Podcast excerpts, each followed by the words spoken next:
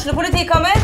Ine Jansen er purk. Er du purk? The motherfucking bitch. Alt jeg vil, er å finne ut hva som skjedde med mannen min. Jon Carew. Er jeg sikta for noe? Iben Akeli. Det er du. Ole So, Lars Berrum og Big Daddy Karsten. Hvem sin side er du på, egentlig? Anette Hoff, Tone Danielsen, Kommer du fra Afrika? Jørnis Josef, Nesten. Kløfta. Trond Espen Seim, Det er synd å si det, men det var feil mann som døde. Purk. Premiere tirsdag på TV2 Play.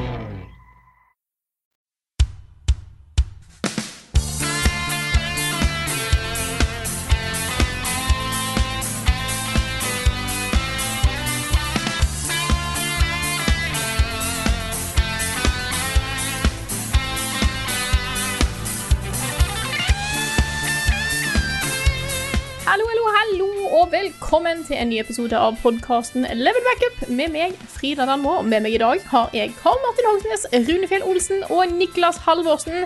Hele firkløveret altså er samla her i dag. Hallo, folkens. Hello. Hello. Har vi det bra Dina, for oss torsdag formiddagen? Ja, det, det er så varmt og fint vær nå, ass. Det er det. Det ble plutselig sommer. Ja, det ble det. Til og med i Trondheim. Til og med i Trondheim, ass. Ja. Vi er allerede på liksom to is om dagen, um, så, så dette lover bra. Åh, jeg har spist så mye is i det siste. Jeg fikk en sånn derre en sånn derre Hva heter det? Sånn boks, sånn gigaboks med Ja. Nonstop vaniljeis av kjæresten min. Og eh, jeg skal ikke si hvor mange dager det tok å spise den opp, for det er blitt litt for mye is. Jeg tror dere har det litt varmere enn det vi har. Jeg måtte kjøpe en is i går. Ja. Men det er jo litt sånn der This is fine over det også, da. Når du ser, da er det jo eh, hetebølge i Asia. Aldri vært varmere. Og det, jeg blir jo litt stressa. Jeg gjør det. Og med det så går vi over til spalten Ukens hotteste. Microsoft har kjøpt alle spillselskapene i Japan. Mario har blitt pensjonist. Half-Life 5!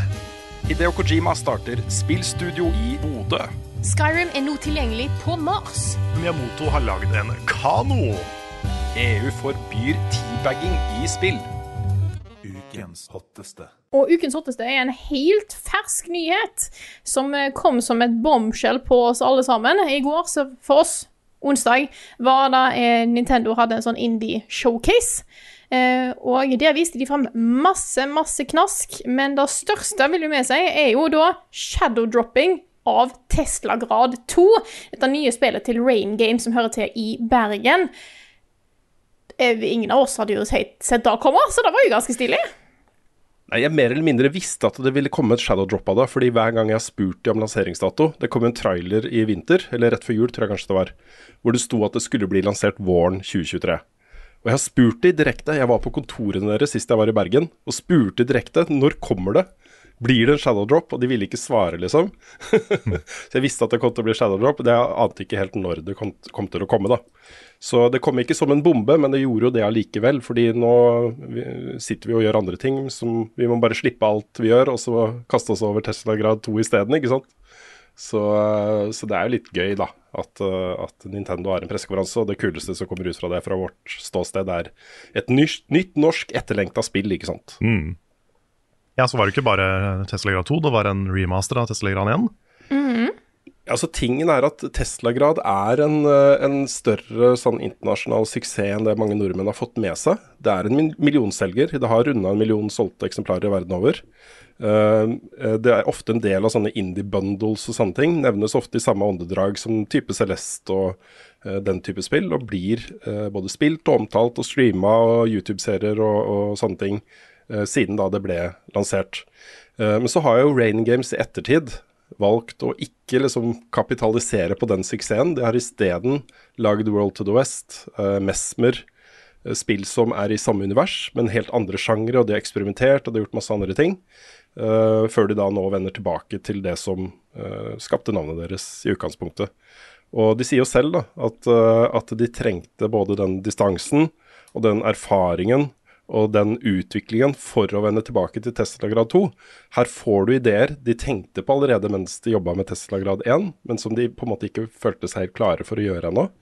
Eh, Så, så det er en veldig sånn god stemning på kontoret der. De er veldig, veldig gira på å fortsette uh, dette spillet her. Og hvis ikke du kjenner Tesla grad fra før, så er jo dette et spill med utrolig flotte norske overtoner. Og, og musikk og grafikk og lokasjoner og sånne ting. Eh, men det foregår da i en, en slags sånn bunadpunk, eh, steampunk-verden. Med eh, elektrisitet og, og sånne ting som gameplay-mekanikker. Det brukes mye sånn motpoler, magnetiske motpoler til miljønavigering. Du har elektriske krefter osv. Så, videre. så det er veldig, veldig lett å lage gode puns av, av dette her. Eh, De, de skrev en twittermelding selv da, om denne annonsementen, hvor de brukte sånn sjokk og um, lyn og sånt som, eh, som uh, uttrykk. Og jeg svarte annet med uh, Om my god. What? Jeg trodde først at det var en skrivefeil, og så bare Å ja, nei, det var en ja. Nei, det, det, også, dette, er, dette er en eh, big deal altså, for oss i Norge. Så, men du og jeg har jo i hvert fall spilt det ganske mye, Frida. Hva syns du? Eh, Tesla Grad 2. Mm. Ja, jeg fikk testa. Eller har du ikke begynt ennå? Hm? Jo, jeg fikk begynt på det litt i går. Eh, Så langt så merker jeg at da Rain Games er gode på, merker jeg både i Tesla Grad 1 og 2-en her, er at den, den mekanikken de har lagd her med elektrisitet og magnetisme, er blant de mest intuitive manøvreringsmekanikkene jeg har vært borti i spill, og jeg syns de har utforma noe her som er så bra laga. Det er veldig logisk, det gir veldig mening, eh, og jeg liker veldig godt måtene de bruker disse egenskapene på, og måtene de bruker det på forskjellige måter i, rundt omkring i spillet. Jeg har ikke spilt sånn kjempelenge ennå. Eh, jeg spiller på Switch akkurat nå. Jeg eh, Jeg har litt frame drops iblant. Eh, Jeg tipper da er bare noe sånn release-ting som fint blir patcha. Men jeg merker at det har, det stutcher litt når ting går veldig fort. Eh, Men så langt har jeg et Mm. kjempepositivt inntrykk. Jeg starta på Switch, for jeg trodde det bare kom på Switch, siden det var shadow-droppa på Switch, men det ble shadow-droppa overalt. det er også ute på PC og PlayStation og Xbox. Så da, da jeg fant ut det, så gikk jeg over og så kjøpte jeg det på Steam også. Eh, og da fant jeg ut at jeg kunne fortsette på saven jeg hadde fra Demon. de slapp tidligere i år. Ah, da Så hadde det vært mye eh, kult. lurere. Ja, så, så det som var litt sprøtt, var at jeg var bare kommet bitte lite grann lengre på Switch eh, da jeg switcha over til PC og kunne fortsette liksom bare Det var bokstavelig talt fem minutter uh, dobbel spilletid for å komme like langt. Um, det, det er jeg helt enig med deg, Frida, i at det er intuitivt, og at, at um, det, det på en måte er et veldig naturlig valg å ikke fortelle spillerne hvordan de skal løse puzzles. Altså det er ikke noe, i hvert fall det er mulig at det er noen innstilling hvor du kan få litt mer hjelp og sånt, jeg tror ikke det.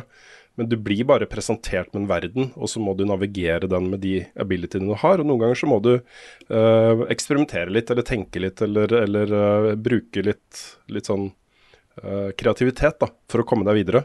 Og det er en del sekvenser i det spillet hvor jeg føler at jeg står helt fast. Mm. Hvor det er sånn Jeg vet ikke hvordan jeg kommer meg videre herfra. Jeg har ingen anelse. Og så surrer jeg rundt liksom i et minutt eller to, og så bare ah, Selvfølgelig. Og det er aldri spillets feil. Det er alltid bare at jeg klarte ikke å ta den koblingen med en gang. Og da både føler jeg meg smart, men jeg føler også at uh, spillet er smart. At det stoler på at man kommer til løsningen av seg selv. Mm. Uh, og det er aldri så komplisert som man kanskje kan tro da, i starten. Så, um, så her syns jeg de er dritflinke til å presentere på en måte både en verden og en spillbarhet som um, er ganske unik, altså. Dette spillet har helt sin egen identitet. Og så er det dritstilig med den musikken. Jeg har ikke gjort noe research på hvem som har den, men her er det utrolig mye bra musikk. Jeg tror, hvis jeg så For jeg så at det var noen som påstod noe, for jeg tror Martin Kvale er involvert i lyd. Ja, det stemmer. Jeg tror både Martin Kvale og Oda Tilseth er involvert her. Um, Og så tror er jeg Fordi at han påstod noe, en annen som jeg tror er samme komponist som var på World to the West. Som òg Ja. hadde masse flott musikk. Så Mm. ikke, jeg, jeg har ikke helt eh, dobbeltsjekka alt der, men jeg er ganske sikker på at det, det er samme komponist som i hvert fall er involvert eh, der. Mm. Det er litt som du sier, det er litt sånne tekniske utfordringer i starten. Jeg opplevde også litt frame drops på Switch. Eh, På PC er et annet problem. Det er eh, eh, mulig å velge ultrawide i innstillingene, men eh, spillet vil ikke helt at du skal bruke det. Fordi når det kommer til nye, nye scenarioer i ultrawide, så tar kameraet først en sånn liten eh, panneting hvor han viser deg liksom området. Eh, og når du er i ultrawide, så går den ikke tilbake. så hver gang så opplever jeg bare at, uh, at figurlesstyret er liksom under bildet. Mm. Og jeg vet ikke hvor figur det er, eller hva jeg skal gjøre for å komme der. Så bare stille tilbake til uh, 16.9, og så tilbake til ultrawide for å kunne spille videre. Uh, dette er liksom barnesykdommer som de kommer til å patche, garantert. Mm. Så um, ja. Men vi skal øh, suse gjennom dette her så fort og ansvarlig som vi klarer. Å lage hver vår anmeldelse av det, Frida. Mm. Så, Der, det, så det blir ut, Fra hva jeg har funnet nå, så er det samme komponisme som var med på Tesla-grad. Eh, Bear and Cat Music Production, eller Jørn Lavoll, som det står som på Twitter. Men det er en vokalist her også, jeg lurer på hvem det er. Fordi det tror jeg er noe litt kjent, altså. Ja, det kan godt være, for det, det er mye flott eh, jeg, Det er så tydelig norsk del av dette her. Det er, det er veldig, Mm. veldig kjekt å høre. Så er det veldig gøy, da, at det kommer et spill. For dette er jo helt tilfeldig. Nå har vi hatt strømkrise i Norge. Og så kommer det et spill sentrert rundt elektrisitet, og du har en elg med sånne ledninger på seg og lyspærer og, og sånne ting som er strømledende.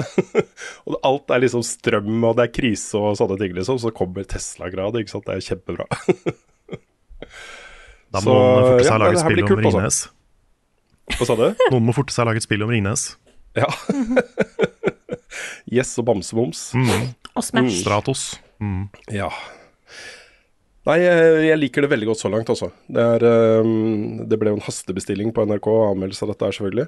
Um, så alt annet er satt til side. Nå er det Tesla-grad 2 det går i.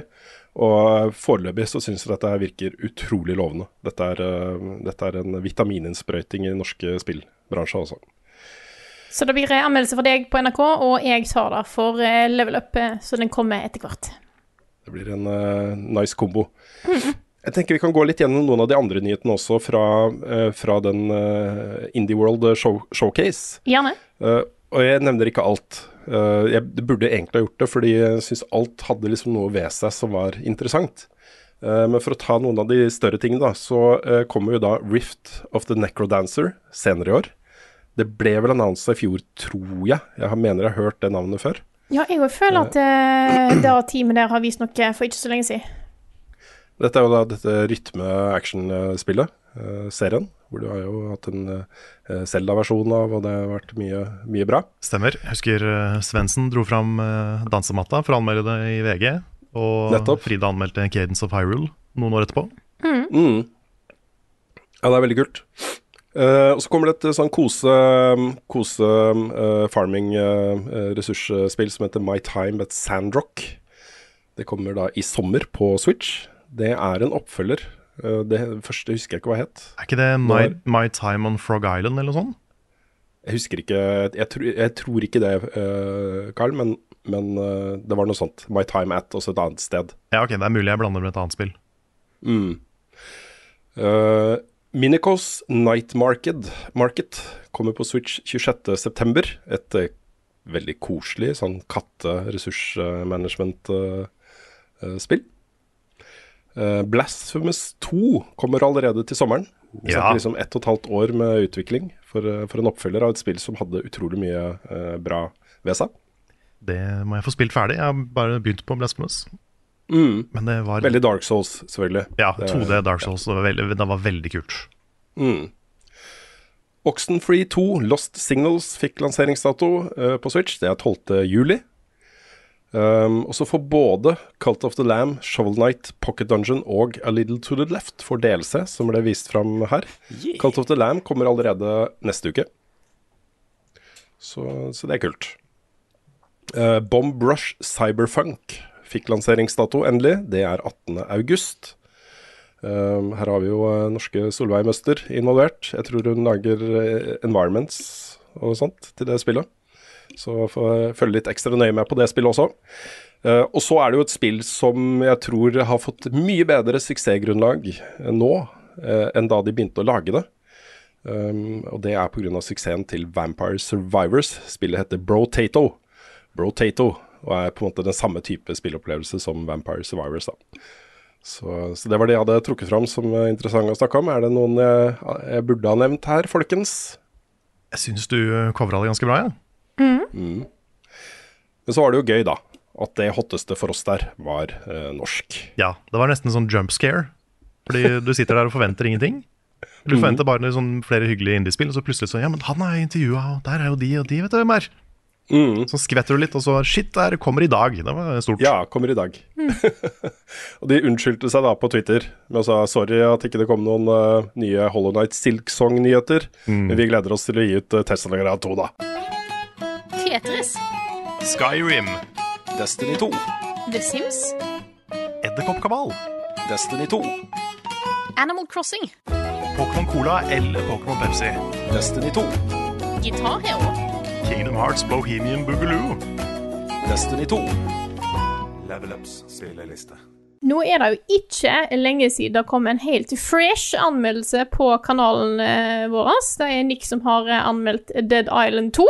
Yeah. Jeg sa rett spill, sant? Det er så mange Dead et eller annet. Left Ja, for det er Dead. Dead Island 2. Er Dead Island. Knall. Left for Dead Island Inside. Cells. Yes! Selvs. Uh, Space. Og eh, derfor tenkte jeg at Nick, du skal få lov til å starte denne gangen og snakke om alt mulig rart du har spilt i det siste. Kjør. Ja, for Dead Island var gøy. Ja. Og det er det. Det var mer Dead Island, liksom. Ja, det, var, det så utrolig gørres ut. Ja, det er, det, er det, mest, det er noe av det mest gørrete jeg har vært borti. Jeg tror jeg aldri har sett noe så gørrete i et spill. Nei, og det, det var, jeg følte meg litt sånn På starten var det kult, fordi det, det var litt satisfying å kappe av huer på sommer og sånn. Men til og med jeg følte meg litt sånn Hm, jeg skal ikke, jeg, kanskje jeg ikke bør finne dette her. At jeg blir så giddy av den volden her, liksom. For ja, nå begynner det faktisk veldig voldsomt. Jeg vet ikke, det skjedde et eller annet i Callisto Protocol, for jeg ble litt sånn Oi, dette ser kanskje Det ser bra ut, men kanskje jeg bør si ifra hvor bra det egentlig ser ut. Nei, spillet har blitt litt voldsomme nå, ass.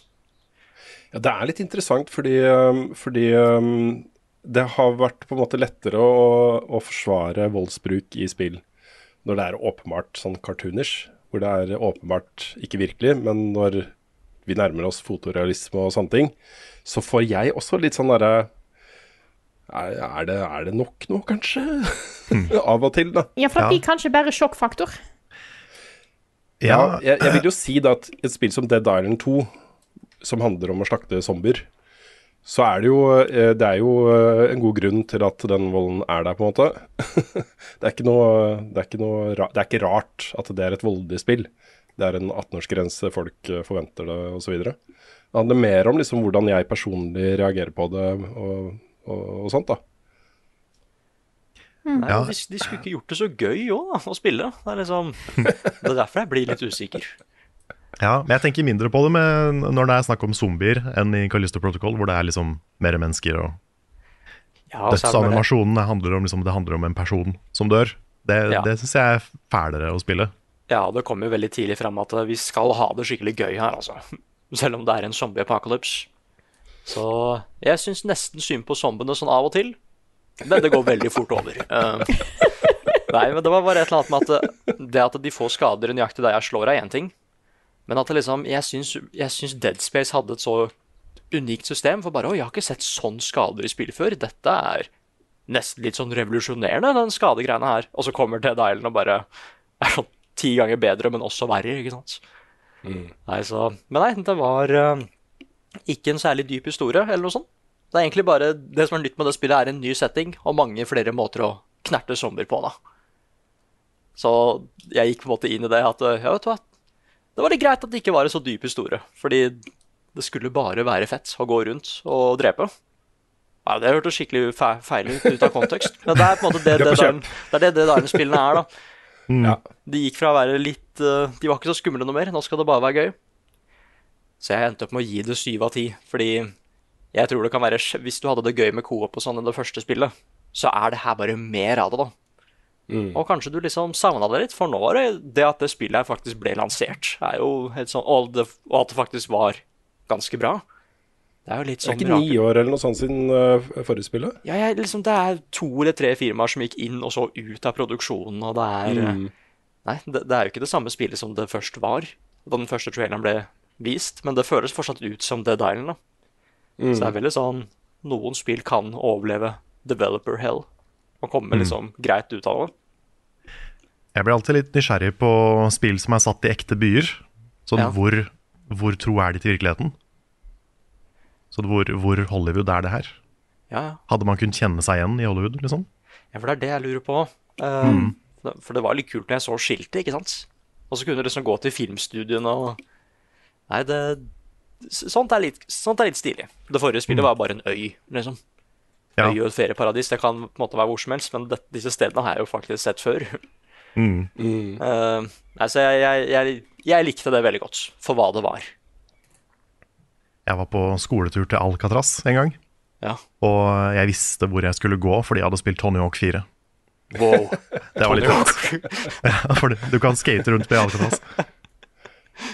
Ja, min referanse er jo 'Escape from Alcatraz' med Clint, Eas Clint Eastwood. Ja, Kongefilm, altså.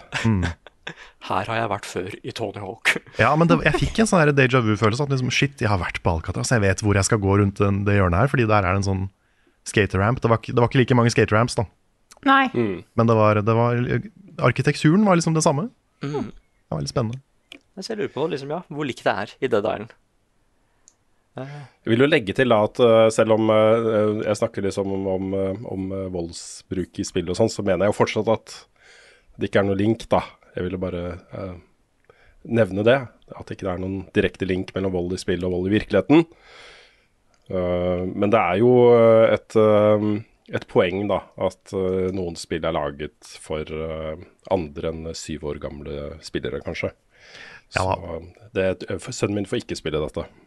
Nei, så er det jo Det er jo naturlig at det kommer et punkt hvor det går fra å være hø-hø til å være æsj. Ja, det ser ekte ut nå, vet du, så det er litt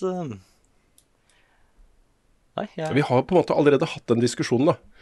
Uh, fordi um, fordi um, Manhunt fra Rockstar Ja. Da, da snakker vi om ganske sånn pikselert uh, uh, PlayStation 2-æra-grafikk.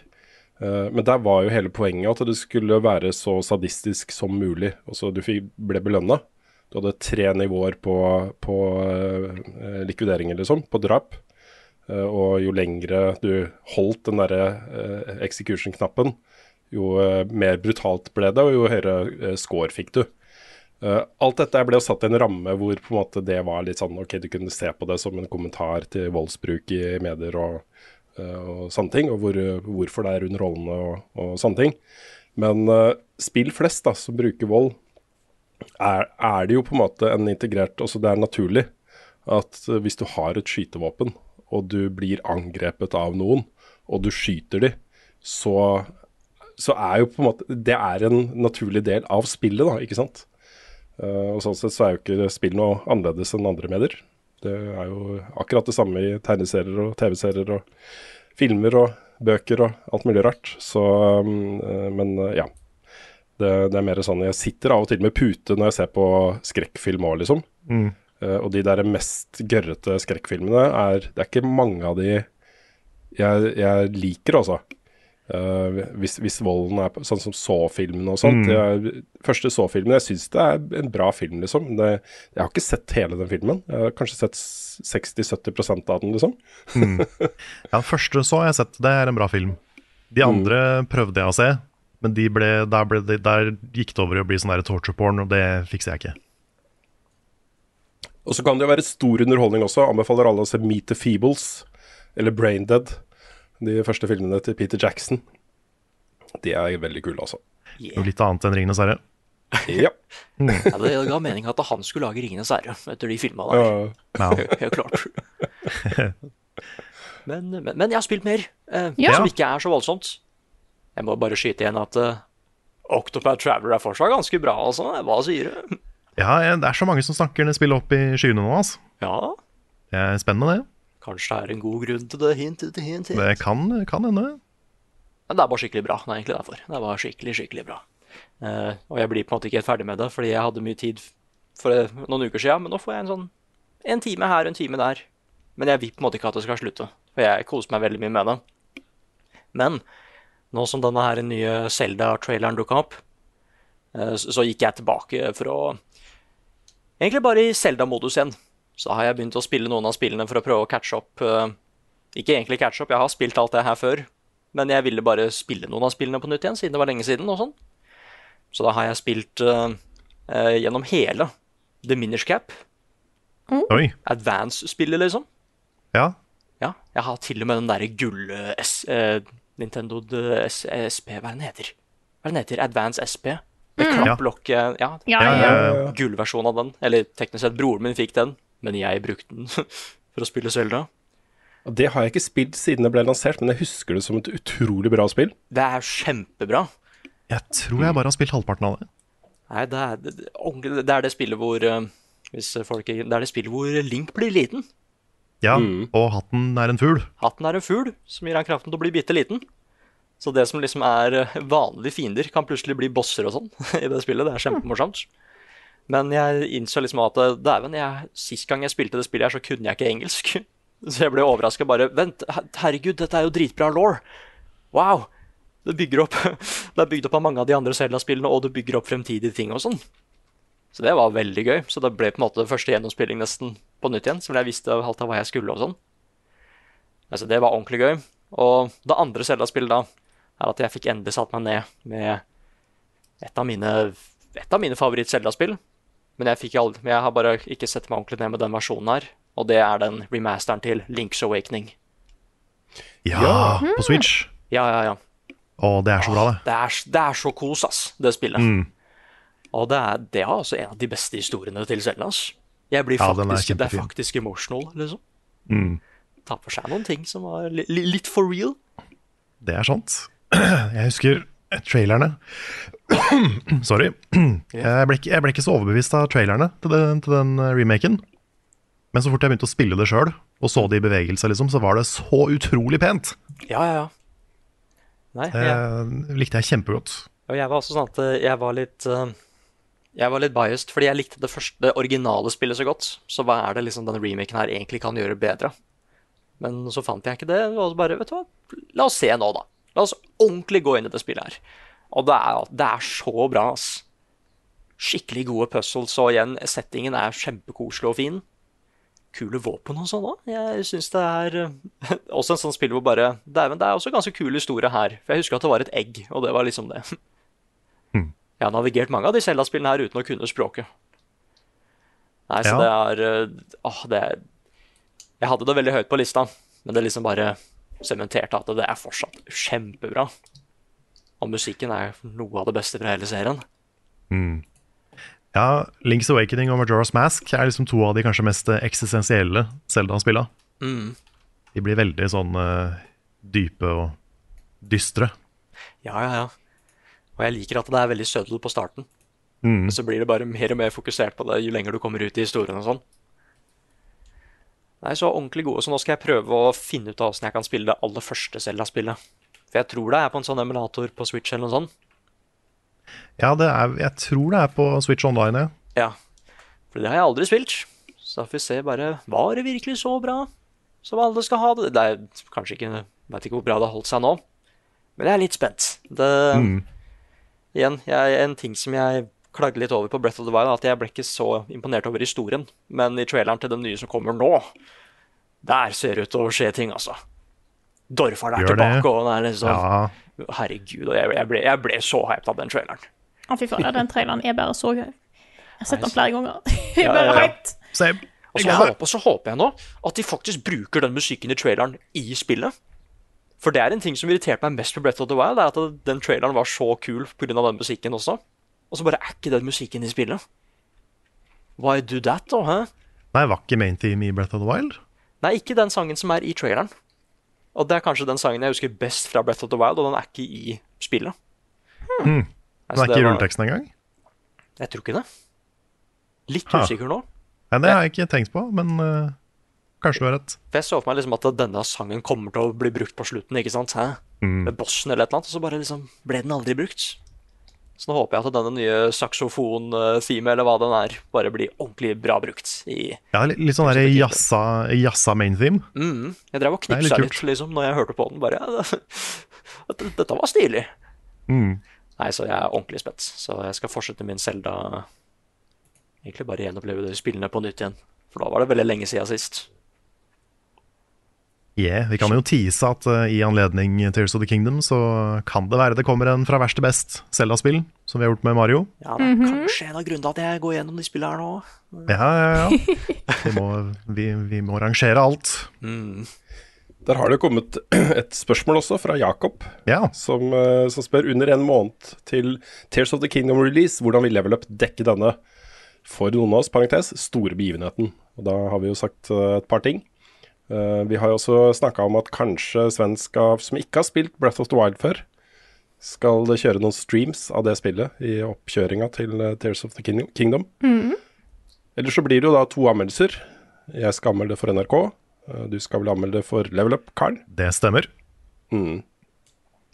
Så dette her er jo en sånn type release som uh, opptil flere i redaksjonen kommer til å spille og snakke om um, sikkert opptil flere uker uh, rundt, rundt lanseringen og tidene etterpå. Oi. Så, så det, er, det er jo et av årets aller største spill, dette her, Det er det. for oss. Absolutt. Det blir bredt dekka.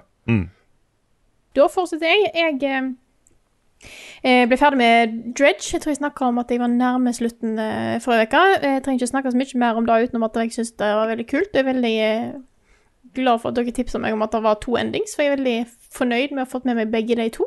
Mm. Jeg føler de totalt ga meg et veldig eh, godt innblikk i, i, i liksom What's going on. Eh, Nå har dere fått med dere den tredje hemmelige endingen. Hvor du Nei. skrur av spillet og går ut.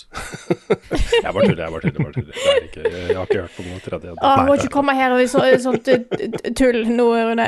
Plutselig, et, ett år seinere, det er ingen som har funnet slutten vår. Nei, nei. Ja. Og så er det egentlig Bloodborne 2.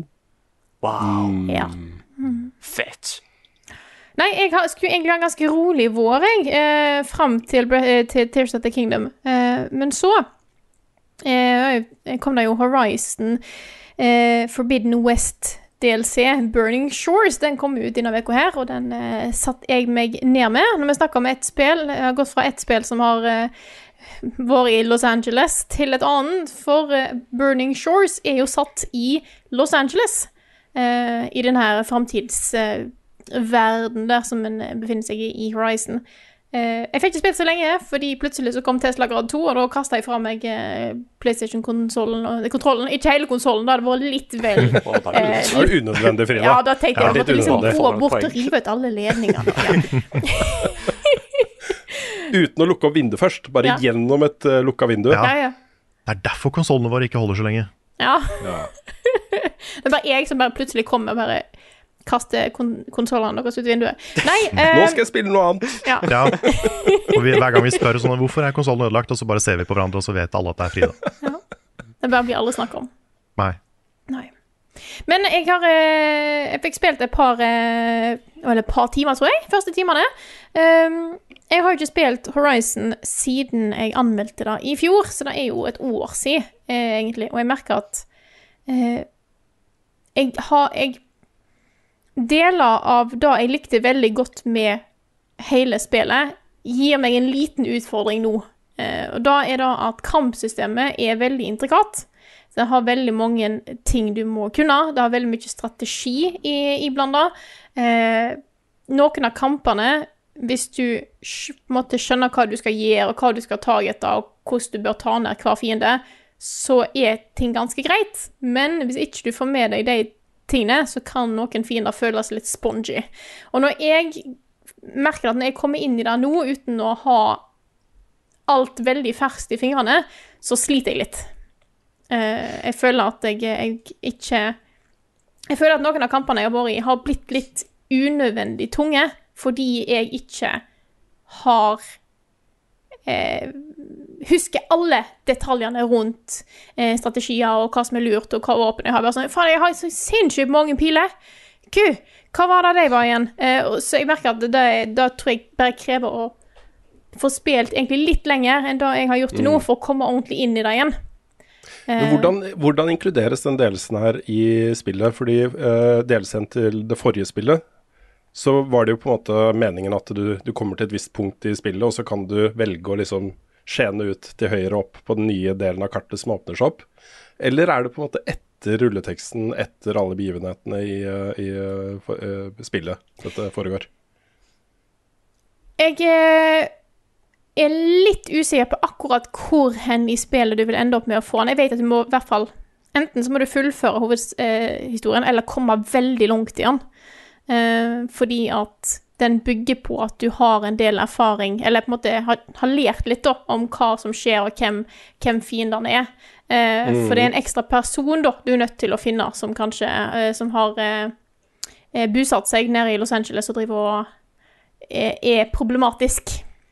Ok, Så det dukker kanskje opp som en quest eller noe sånt da, på et eller annet punkt i historien, så har du muligheten til å dra til Los Angeles for å snakke med den personen. Vi tipper da. Eh, så det, da du, får, eh, du får beskjed om at hei, det skjer noe der.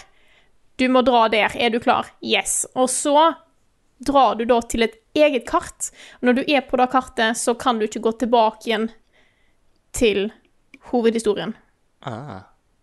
Så for jeg prøvde å bare OK, kan jeg fast travele mellom Burning Shores-området og det andre? Og det fikk jeg beskjed om nei. Uh, så jeg tror det på en måte du, det, det er en egen separat ting. Du blir på en måte transportert der. Det er ikke som en, bare en utvida del av kartet. Det er en egen, egen bit, da.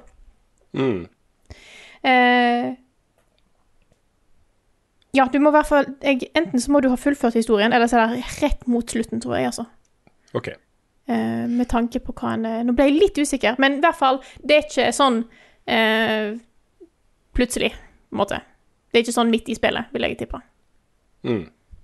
Eh, jeg synser litt her nå, eh, det gjør jeg. Men, eh, men jeg syns at området ser rasende lekkert ut, sånn som resten av spillet. Da spillet er jo så fargerikt og frodig og, og flott at uh, det er helt ekstremt. Uh, Ja, enda mer fargerikt og frodig nå, hvis uh, man skal tro på utviklerne. Så nå, det her slippes jo bare på PlayStation 5, ja. mens grunnspillet også er ute på PS4. Det var jo fordi de sa de hadde lagt til masse nye grafikkgreier som Mm. De klarte, ikke funka å, på PS4. de klarte ikke å rendre alle bokstavene i Hollywood på PS4. Nei, så jeg syns egentlig så langt, da har jeg opplevd, bortsett fra på en måte de knotingene som jeg har med, med kampsystemet, det vil nok være mye lettere hvis en har eh, Jeg tror å spille del, denne delscenen rett etter du har spilt spillet, eller hvis du bare har tid til å sette inn det med, med delscenen og ikke må hoppe over på noe annet plutselig, eh, så tror jeg en fint kommer inn i det. Eh, jeg syns eh, historien så langt virker interessant. Eh, og da jeg har sett fra, fra trailer og sånt, virker det som at det skal være ganske mye kule ting som dukker opp. Eh, så eh, de første timene er positiv, veldig positiv til, eh, til området og, og historien her. Jeg er egentlig litt gira på å få med meg hva som egentlig skjer her. Jeg får ta det opp igjen kanskje ved en senere anledning. Eh, Jeg ser det er lagt til noen nye sånn tilgjengelighetsfunksjoner også, som jeg ikke har sett i spill før. Kom som en patch til hele spillet. da. Eh, hvis du lider av fobi for å være under vann, Mm. Så har de en egen innstilling for det, da. Hvor eh, du får bedre sikt, og du, du kan puste. Altså, det, det er ikke noen pusteproblemer. Du kan puste så lenge du vil under vann og sånne ting. OK. Synes jeg var interessant. Og da er det egentlig ganske nice, da. Da slipper en å på en måte få helt eh, eh, på en måte flashbacks til at Sonic driver og drukner i originale Sonic-spill, Ja, som jeg får hver gang jeg er et spill der du sliter med å puste under vann. Den lyden har blitt en del av meg. Den der, Ja. Og så blir det bare høyere og høyere. høyere. Det er grusomt. Den er inngravert i hele kroppen min, faktisk. Mm. Ja, jeg husker eh, Lara Croft, jeg døde under vann. Den der, det hele brekker seg, og så lemmene kommer i litt helt nye vinkler og sånt, og så bare Mm. er hun dau. Ja, det var òg, husker jeg. Har dere sett drukneanimasjon i Mario 64? For det er en av de verste Mario-animasjonene noen gang. Hva? Ja, jeg har helt sikkert sett den. Ja, Den er fæl, ass. Hvis ikke dere har sett den, så it's disturbing. Men eh, det er i hvert fall eh, det jeg har eh, spilt, i tillegg til Tesla Grad eh, 2. Så Rune, vær så god. Jeg har bare en sånn kjapp greie om Dredge her også. Jeg vil først nevne at det kommer en anmeldelse av Dredge på kanalen vår. Av en helt ny anmelder. Det gjør det. Det, gjør det. Glede dere til det.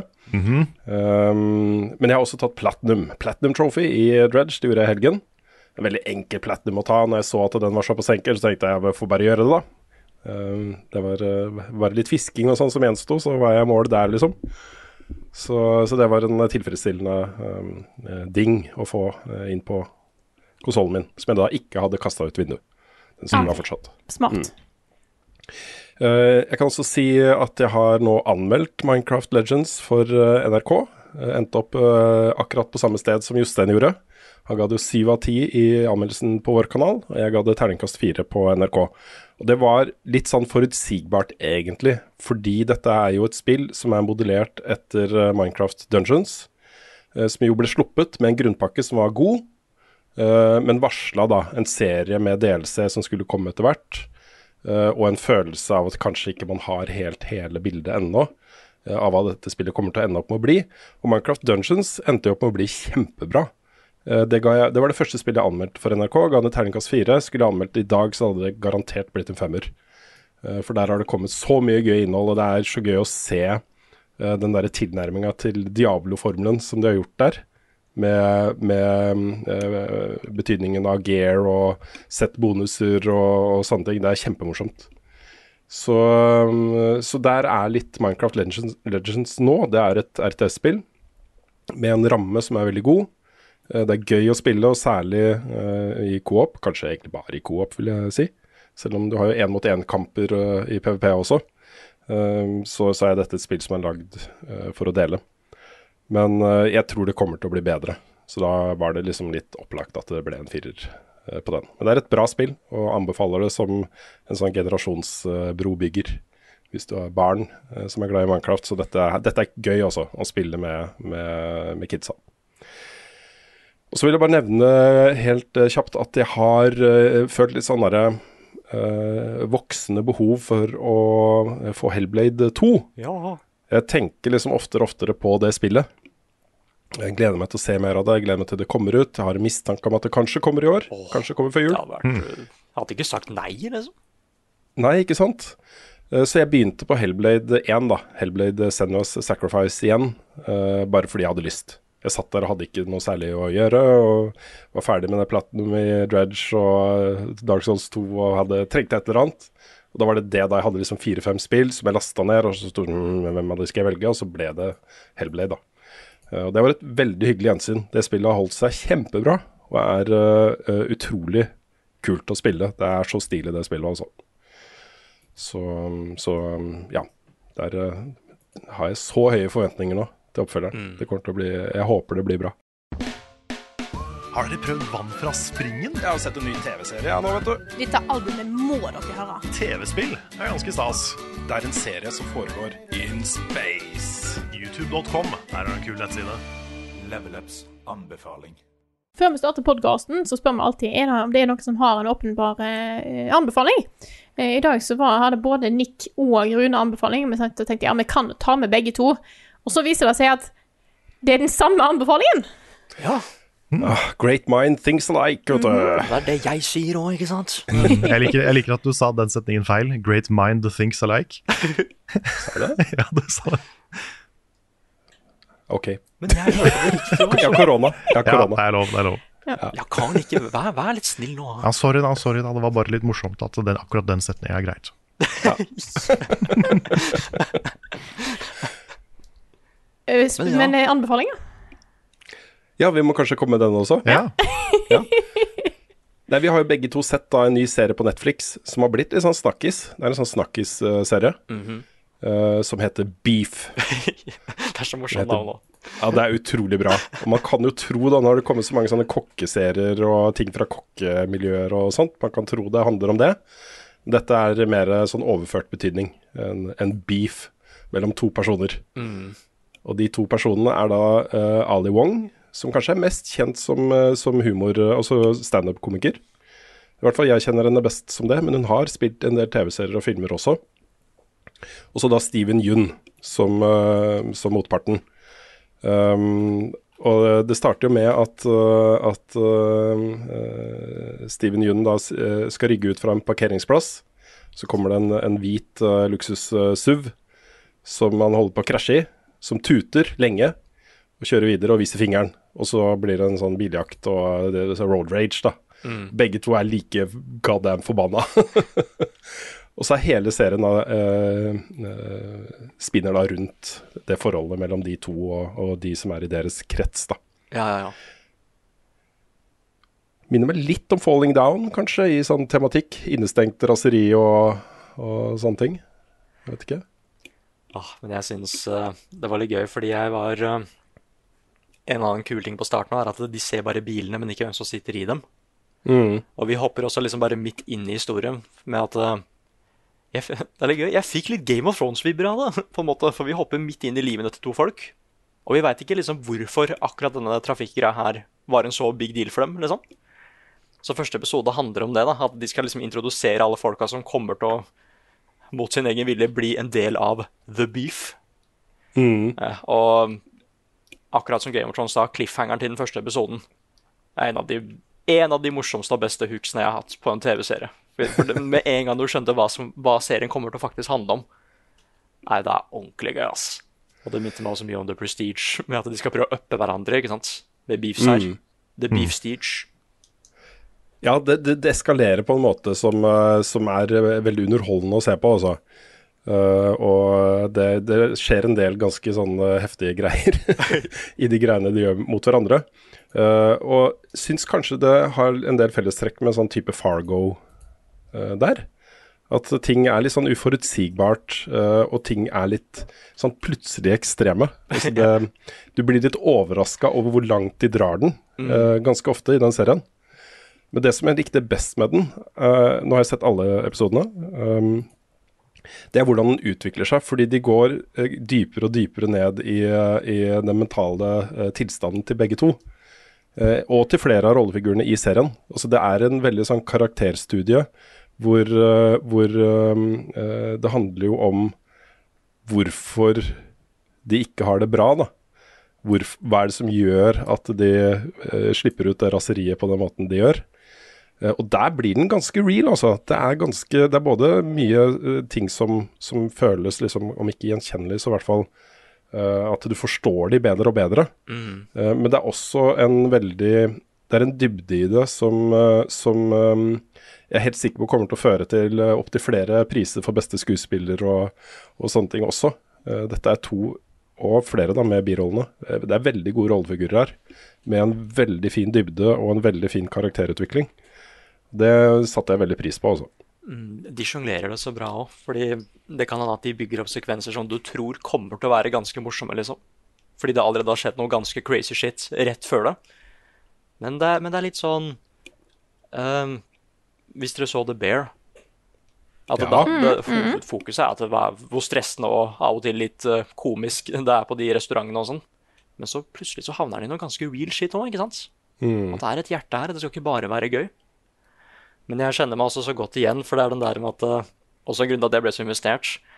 For alle har på en måte følelse, hatt en periode hvor de er bare så så ferdig, så slitne. Og hva hvis da liksom dukker opp en ting de kan ta all frustrasjonen sin ut på? da? Dataspill. Dataspill, ja. De har ikke dataspill, vet du. Nei, og Det er derfor slutten av den første episoden er så bra. For jeg, jeg trodde jeg visste hva serien skulle handle om, og så skjer det noe greier. Og det er uh, ordentlig bra, ass. Og så er det jo et, en, en del av en trend da, som jeg syns er både viktig og fin. Og det er jo representasjon av eh, asiatiske både skuespillere og manusforfattere og regissører og sånt i, i eh, USA. Hvor de har vært veldig underrepresentert, men nå plutselig så, så har du jo Everything Everywhere All At Once og denne serien her og andre ting, hvor, eh, hvor um, uh, det er også fokus på uh, Det er mye snakk om foreldrene, da til, eh, til da særlig han mannlige hovedpersonen. Eh, og og uh, kulturkollisjoner og, og den type ting. Det syns jeg er litt fint å se. At man får litt andre typer perspektiver og andre typer historier enn det man er vant til. Yeah. Gir, uh, gir ordentlig gode skuespillere og manusforfattere en sjanse i et marked som har vært dominert av andre mennesker lenge. Jeg er helt sikker på at sånn særlig, kanskje særlig Steven Yeun øh, har fått et karriereboost av dimensjoner av dette her, altså. Han kommer til å se mye framover, garantert. For en klasseskuespiller, altså. Det er så bra. Han har, han har blitt så flink. Nei, jeg anbefaler den serien på det varmeste. Den heter altså Beef. Ligger på Netflix. Um, ti episoder uh, på rundt en halvtime hver. Ja. Uh, veldig, veldig bra serie, altså.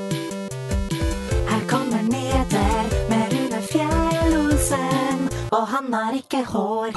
Det er litt sånn uh, hummer og kanari i eh, nyhetsspalte- nyheterspalten denne gangen her. Jeg vet ikke, Er det lenge siden dere har hørt det uttrykket, folkens? Jeg har aldri hørt uttrykket. Hva betyr det? Nei. Både Hummer og lenge siden kanari og er første gang. et knallbra uttrykk. Ja, det, Yes. jeg, jeg synes det var, men jeg vet ikke helt hva det betyr.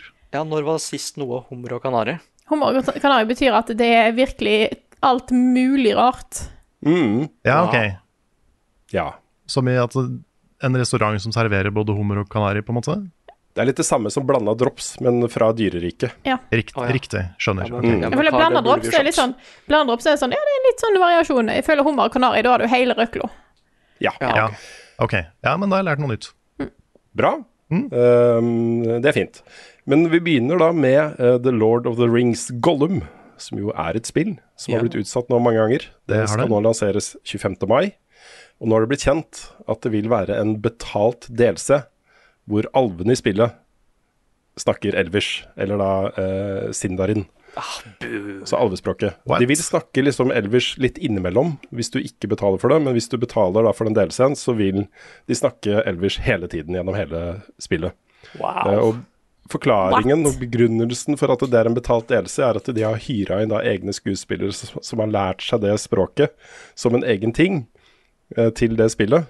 Eh, og at de derfor uh, syns det var eh, nødvendig å ta ekstra betalt for det.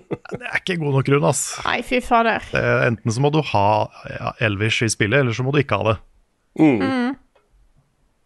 Så, men det er i hvert fall en ting, og det spillet kommer. Eh, jeg syns det har sett eh, bra ut eh, fra de tingene jeg har sett. Et litt sånn stealth-spill med Gollum i hovedrollen, hvor du styrer Gollum. Mm. Det er, er, der også.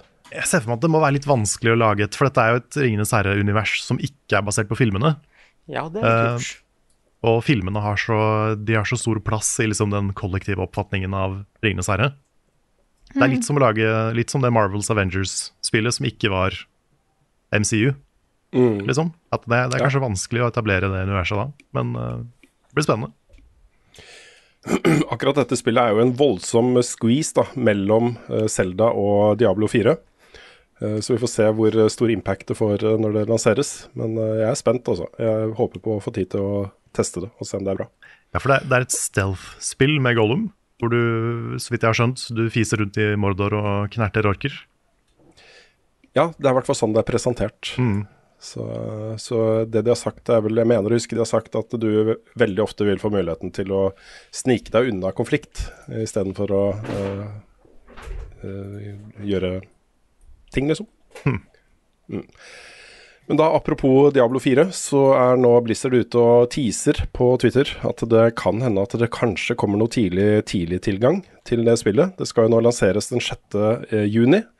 Hvis du har forhåndskjøpt det, så får du tilgang fra 2. juni. Det har vært kjent lenge, men nå har de teasa at det kanskje vil være mulig å spille det før det også.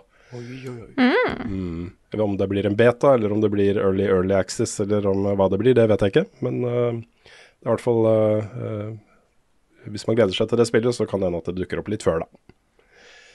Eh, det har kommet et nytt mobilspill fra Niantic, altså Pokémon Go-skaperne, som heter Monster Hunter Now, Carl. Ja. Jeg er ikke overbevist, ass. Nei, har du testa det? Nei, det er jeg ikke. Jeg har, jeg har spilt ganske mye Pokémon GO i det siste.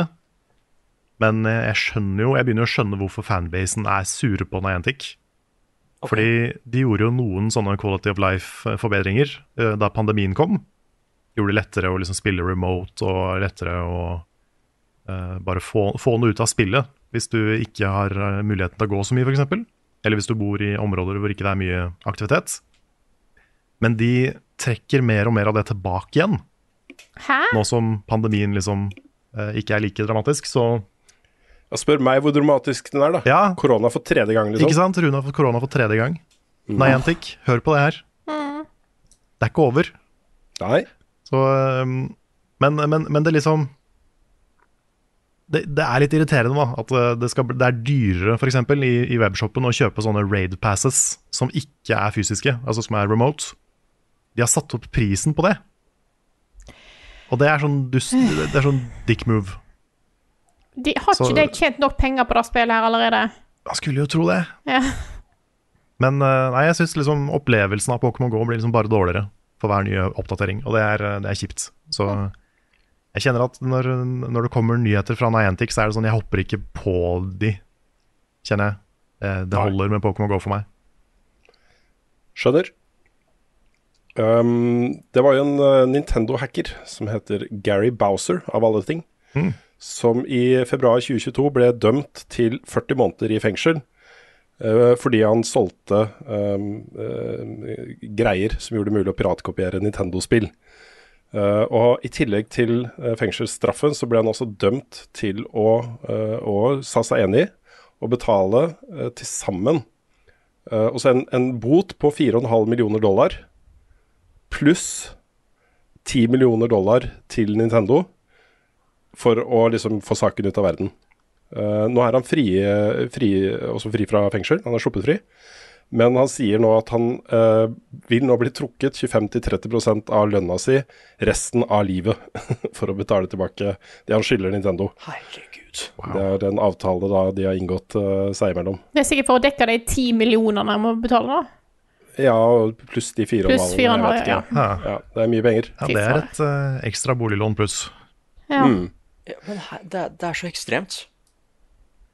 Ja, det er ekstremt, det er ekstremt. og er store summer det er snakk om. Ja. Men det er jo også eh, Dette er jo litt holdningen eh, av mange forståelige grunner også til spillbransjen. At, uh, at piratkopiering eh, skader salg. At man velger å piratkopiere uh, istedenfor å kjøpe spill.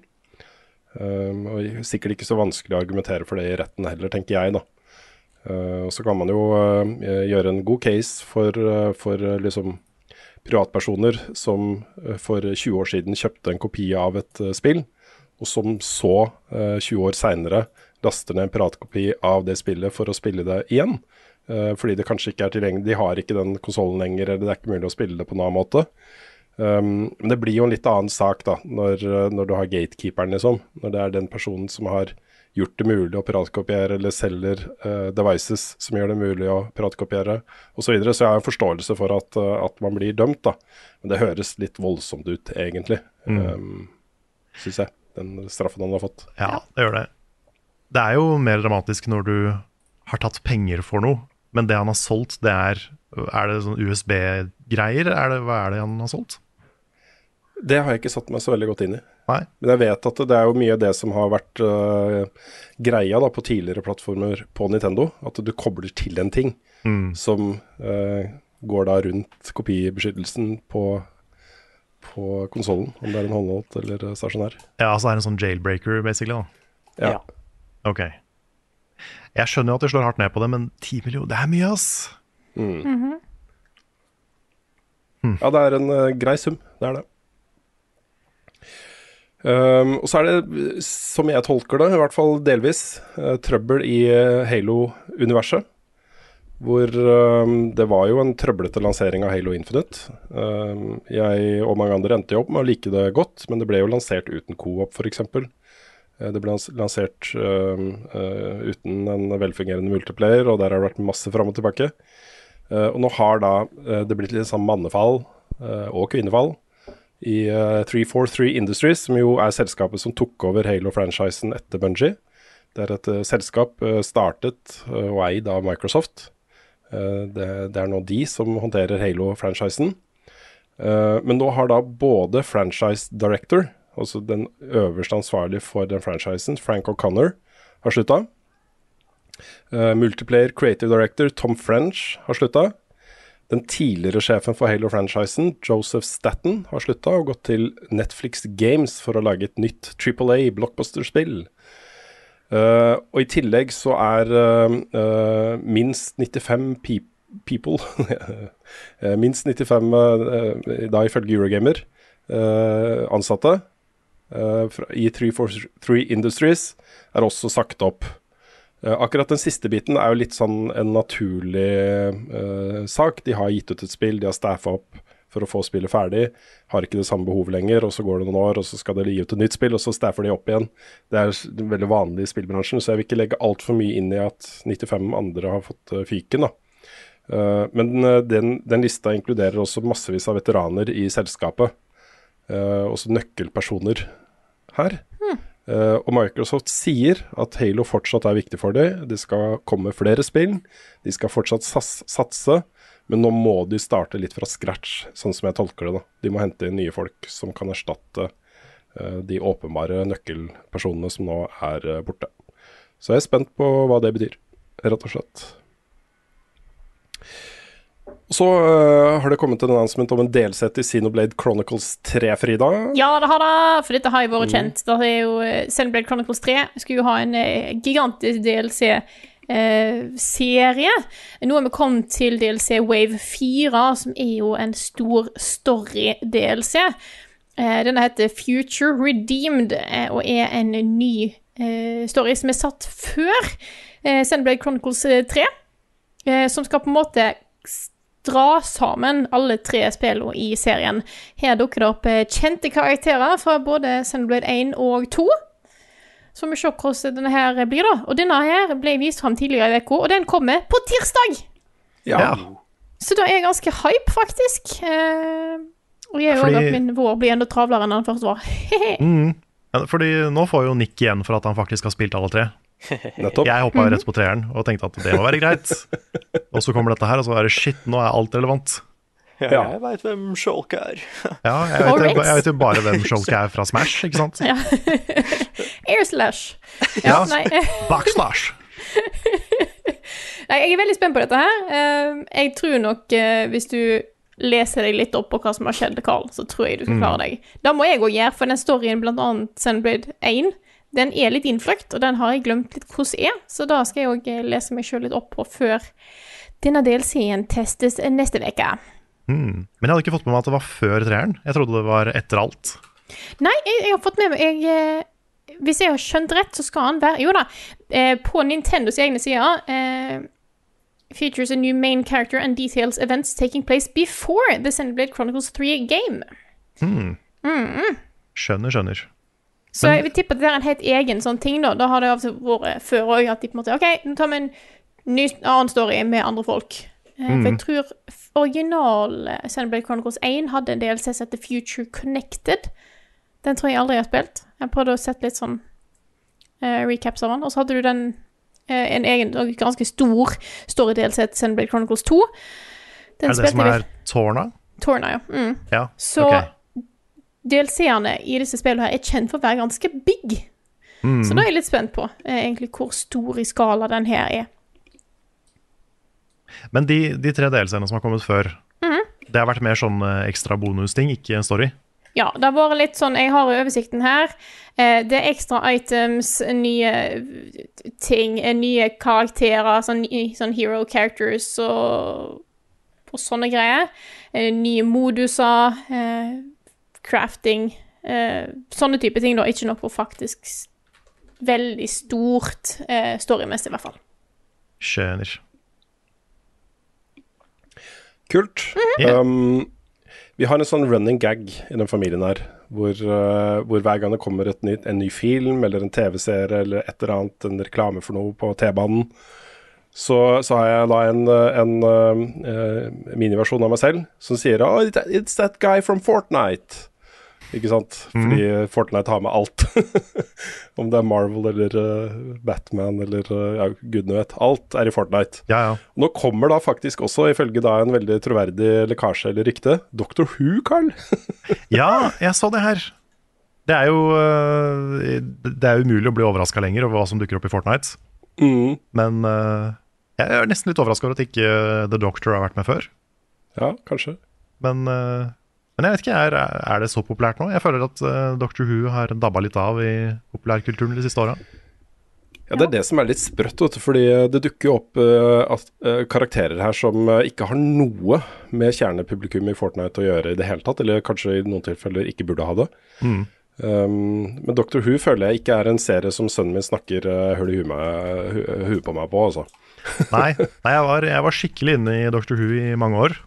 Ja. Eh, De siste åra har jeg ikke vært like på. Jeg datt litt av. Ja. Kanskje det er time to get back in. Kanskje det. Og så et annet rykte som, eh, som er litt juicy. Eh, eller rykte og rykte, jeg vet ikke helt hvordan vi skal omtale dette her. Men Donna Burke, som vi kjenner fra Metal Gear Solid 3, blant annet hun som sang den flotte Snake Eater-låta, mm. har, har vært i studio igjen og tweeta om det, med et skript som det står eh, Metal Gear eh, et, et eller annet på. Eh, og så bare 'recording again'. Det er, det er jo da riktig, ikke sant. Og eh, kommer det en remake av Metal Gear Solid 3? Og det er vel ganske sannsynlig, er det ikke det? Det er jo det. Men er, er ryktet Det handler bare om treeren, ikke de andre? Ja, hun har bare tweeta om det. Men folk mener jo at eh, Eller i hvert fall en qualified guess om at én og to også kanskje står eh, for døra, da. Ja, plutselig så får vi eh, det, det Capcom gjør med Resident Evil. Mm. Det er jo en case da for å starte med Metal Gear Solid 3, og det er jo at det foregår kronologisk før 1 og 2. Mm. Så, så det kan hende at de starter der. Det er ikke umulig, altså. Selv om jeg, jeg mener jo de bør spilles i den rekkefølgen det kom ut. At mye av payoffen i Metal Gear Solid 3 er fordi du vet hva som skjer med disse rollefigurene seinere. Mm. Så ja. Ja, det er så mye debatter om de tinga der. Eh, Sånn der, eh, Hvilken rekkefølge burde du se filmene i, hvilken rekkefølge burde du spille spilla i? Riktig svar føler jeg alltid er release. Jeg kommer ikke på et eneste eksempel hvor release-rekkefølge er feil. Du? ja, du har den der TV-serien på Netflix Ja. som kom i vinter. Ja, men den, den er bare vanskelig for å være vanskelig. Hva er det den het igjen? Åh, Hva serie ditt, dette? For det er den derre bankraner-greiene, ikke sant? Ja, ja, ja. Ah, um, Med Giancarlo Esposito. jo, jo, det er Kaleidoscope. Kaleidoskop, Kaleidoskop, stemmer. Kaleidoskop. Der eh, fikk du jo en tilfeldig rekkefølge, uh, hver enkelt Netflix-bruker. Mm. Når det gikk inn, så var det det Du skulle se hvit til slutt. Uh, og så var det en annen episode som var, alltid var først, eller husker jeg feil? litt Jeg tror kanskje den første episoden også var random. Interessant. Og de hadde bare fargenavn, da. Det het ikke episode 1, 2, 3, 4 og sånt. Det var bare farger, ikke sant. Ha. Det, ja, der uh, dukka det opp flere forslag til rekkefølgen man burde se det i. Mm. Men eh, generelt, hvis du er i tvil, bare, bare se det i den rekkefølgen du kom. For det er, eh, Mm. så det er som regel intended, uh, intended viewing. Hva er dines best, hvor var fredag sist? Har Carl egentlig sopp? Ukens spørsmål. Åh, vi blir alltid så glad når det kommer inn gode spørsmål til oss, og da har det denne uka her òg. Eh, denne uka starter vi med et spørsmål fra Christian Larsen, som spør dere som har prøvd Diablo 4, tror dere det er mulig å spille det som nybegynner i Diablo-serien? Ja. Korte svaret på det er jo ja. jeg var jo nybegynner i Diablo-serien og spilte betaen. Eh, Null stress å komme til maks level og, og få med seg det jeg trengte å få med fra, fra det spillet også. Det var en litt sånn hyggelig opplevelse også, å bare forstå at uh, dette spillet fikser jeg. Jeg trenger ikke å ha spilt eh, Diablo 1, 2 og 3 uh, i 10 000 timer for å skjønne hva jeg skal gjøre her. Det er veldig nybegynnervennlig også. Så uh, ikke noe stress. Jeg vet ikke om du har noe å legge til der, eh, Nick? Nei, men jeg er helt enig. Og hvis du har lyst til å liksom få med deg law og sånt, så bare se en sånn law recap på YouTube. Det kan nok være lurt, fordi, eh, fordi eh, liksom hovedantagonisten her er jo Lilith. Mm. Og jeg har sett bilder av Lilith eh, før, men jeg vet jo ikke helt hvem hun er. Nei. Og hun er liksom daughter of hatred, og det er mye greier der, liksom. Så jeg skal gjøre det, da. Jeg skal uh, få med meg litt, av, litt mer av lauren om hvem disse uh, bad guysene er og, og sånt, før jeg uh, spiller fullversjonen av spillet. Nice. Mm. Da tror jeg vi går eh, videre til neste spørsmål. Ok. Da trenger jeg litt hjelp fra Carl. Det skal vi se sånn. Ukens Sinfor. Kompetitive spill er det mange som er glad i, både som spillere sjøl og som seere. Hva er det første kompetitive spillet dere spilte sjøl, eller som dere husker det var mye konkurranse i det å være best?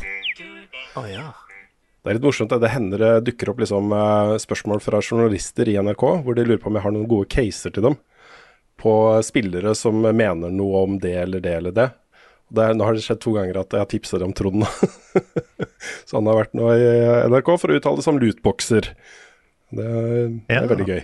Men han er jo litt sånn der, han er gjennomsnittsgameren, ikke sant. En eh, voksen fyr med, med store barn. eh, to generasjoner som er veldig opptatt av spill.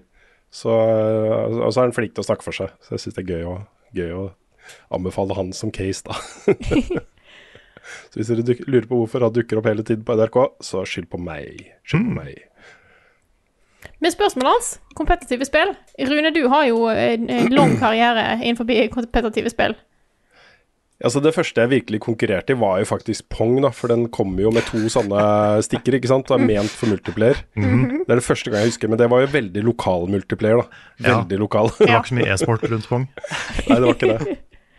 Uh, ellers så uh, var det en jobb jeg fikk i 96, hvor det var sånn daglig rutine at hele kontoret spilte først Quake 2, og så gikk vi over til Duke Nukem 3D etter hvert. da. Uh, og det var kompetitivt, ass. Det var veldig, veldig kompetitivt. Men den virkelig store oppvåkninga på hvor gøy dette kan være i en mye større skala for meg, var um, Jeg var i London for å dekke en Quake 2-turnering, hvor det var et norsk Quake 2-lag som het Memento Mori, som, eh, som deltok og var en av forhåndsfavorittene. Og det å komme inn, det var på en sånn liksom publignende bule nede i en kjeller, hvor lagene satt liksom i klynger og spilte mot hverandre, og publikum kunne liksom henge litt over skuldrene deres eller se på storskjermer og sånt. Og den stemningen i det rommet der, og den der forståelsen av hvor utrolig dyktige de folka her var i det de gjorde, um, gjorde at jeg også ble interessert i å spille sånn. Da. Så det var etter det så lagde vi jo klaner og spilte mye Quake 3 etter hvert, og uh, Half-Life eh, 2 multiplayer og, og sånne ting. Så det var egentlig der. Det var der den virkelig, virkelig store greia som var noe mer enn bare å slå søstera mi i tekken, liksom. det var der det begynte for meg. Ja, for jeg har på en måte Jeg har spilt utrolig lite sånn online multiplayer-spill. For meg så er på en måte det kompetitive det har vært mer lokalt. Eh, har jo vokst opp med eh, å konkurrere i Mario Kart og Smash med venner og sånt. Men jeg tror nok det første på en måte sånn kompetitive jeg har vært borti, har jo vært Mario Party 4. Eh, hard kamp innad i familien.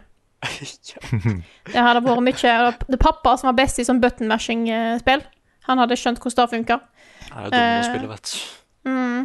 Men jeg har jo hørt i senere tid, jeg nevnte før, at, eh, at mamma og pappa var, oppe på kveldstid etter jeg og søsteren min hadde lagt seg, og trente i Mario Party. Det er dårlig gjort, ass.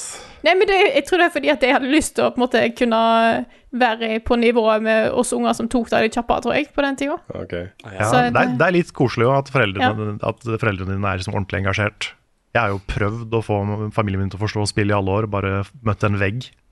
Det er litt sånn sammenlignbart med å gå i godteskapet og spise godteri etter at ungen har lagt seg, syns jeg, da. Ja, men det, Ikke at det, ikke at det skjer, altså. Det Nei. skjer jo selvfølgelig Nei, nei, aldri. nei. det gjør aldri det. Nei, nei, nei. Men jeg, føler det kommer an på hvor flinke barna er. For hvis, hvis foreldrene er noobs og har lyst til å bli bedre, så skjønner jeg det. Ja, for jeg tror ja, det det var mer da, altså. Ja. Ja, Altså, mamma de har, de har jo spilt litt spill opp gjennom tida, men ikke på en måte på, eh, på den måten. Point and click-spill har jo vært deres ting, så jeg tror på en måte det med kontrollere og sånt var litt, var litt nytt.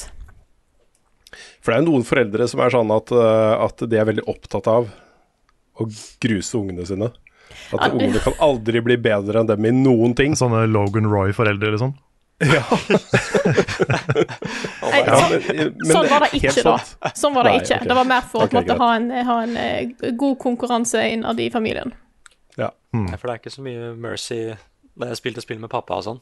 For han klarer jeg fortsatt ikke å slå i Star Fox, blant annet, Oh, Oi. på 64. Han tar Ja. disse loop til loopsa som jeg ikke helt uh... Han gjorde det først, og så bare begynte han å gjøre nye ting hele tida når jeg lærte de andre tinga. Men jeg innser nå Da spillet det vår mest konkurranse i i vår heim, eh, da er We Sports og Ja. bowling. Fordi vi spilte så jæklig mye We Bowling. Eh, samtidig, da, da Wien kom ut, vi fikk jo en Wii til jul eh, den høsten Wien kom, og jeg tror hele jula gikk med til Wii bowling. Eh, utelukkende. Med, med prosjektor og lærer og alt. Om å gjøre å få høyest score. Ah, Det var, det var timersvis hver dag. Hele en familien. Tante og søskenbarn og alt, ja, ja. Det er veldig fin apropos. Det var jo nettopp et Wii Sports-turnering i Frankrike. Hvor det var en, eh, et eh, 85 og 96 år og gammel eh, så- eh, par som vant We Sports-turneringa. Ja, Ja, jeg så det. Det er så koselig. Representerte eldrehjemmet sitt. det er veldig kult, også. Ja, det er kjempekult.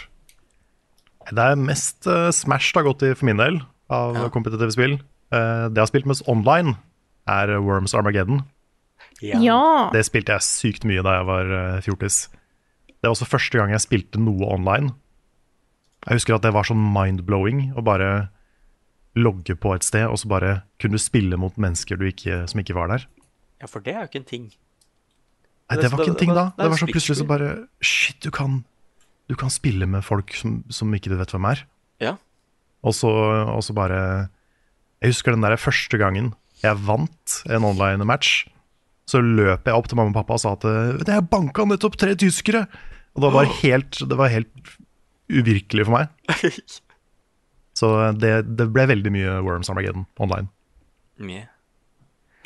Jeg spilte masse League of Legends og masse Smite. Um, for vi hadde en sånn lite lag der. Men det jeg spilte mest aleine, hvor jeg liksom følte at uh, Det var ikke noe e-sport, eller noe sånt, men hvor jeg følte at shit, kanskje jeg Her føler jeg meg litt god. Det var Assassin's Creed-multiplayeren. Til uh, Brotherhood og ja, Mest Brotherhood, men det var det Assassin's Creed 3 og sånn òg. Fordi den var så smart. Den var så unik og smart. Med at det handla ikke om at du skulle drepe dritmange folk. Du skulle drepe Eller du kunne det òg, men da fikk du lite poeng. ikke sant? Du måtte ha kvalitetskills. Og quality over quantity. Og det var det så mange som ikke skjønte. Så du kunne få sånn 10 000 poeng for én kill, og 100 for en helt vanlig dum kill, ikke sant? Så det var gøy. Men det mest kompetitive, da. Uh, og det er også en grunn til at jeg ikke var så gira på den nye Tetris-filmen. Fordi det er ikke en bedre historie enn det som skjedde da vi fikk Tetris på skolen. Eh, fordi det var eh, Vi hadde dette På barneskolen så hadde vi dette Fronter-programmet. Nei, på ungdomsskolen. Mm. Um, og der eh, leverte du inn lekser og oppgaver og alt det der. Men der kunne du også spille Tetris. Og det ble så competitive, fordi det var på en måte satt opp at leaderboardet var alle elevene i de andre klassene da, på skolen.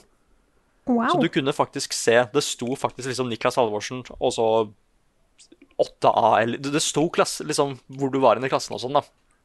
På skolen. Og det ble så kompetitivt. Og så liksom de, Det ble et svært skille mellom de som spilte og de som ikke gjorde det. Og det ble gjenger og sånn for å spille Tetris.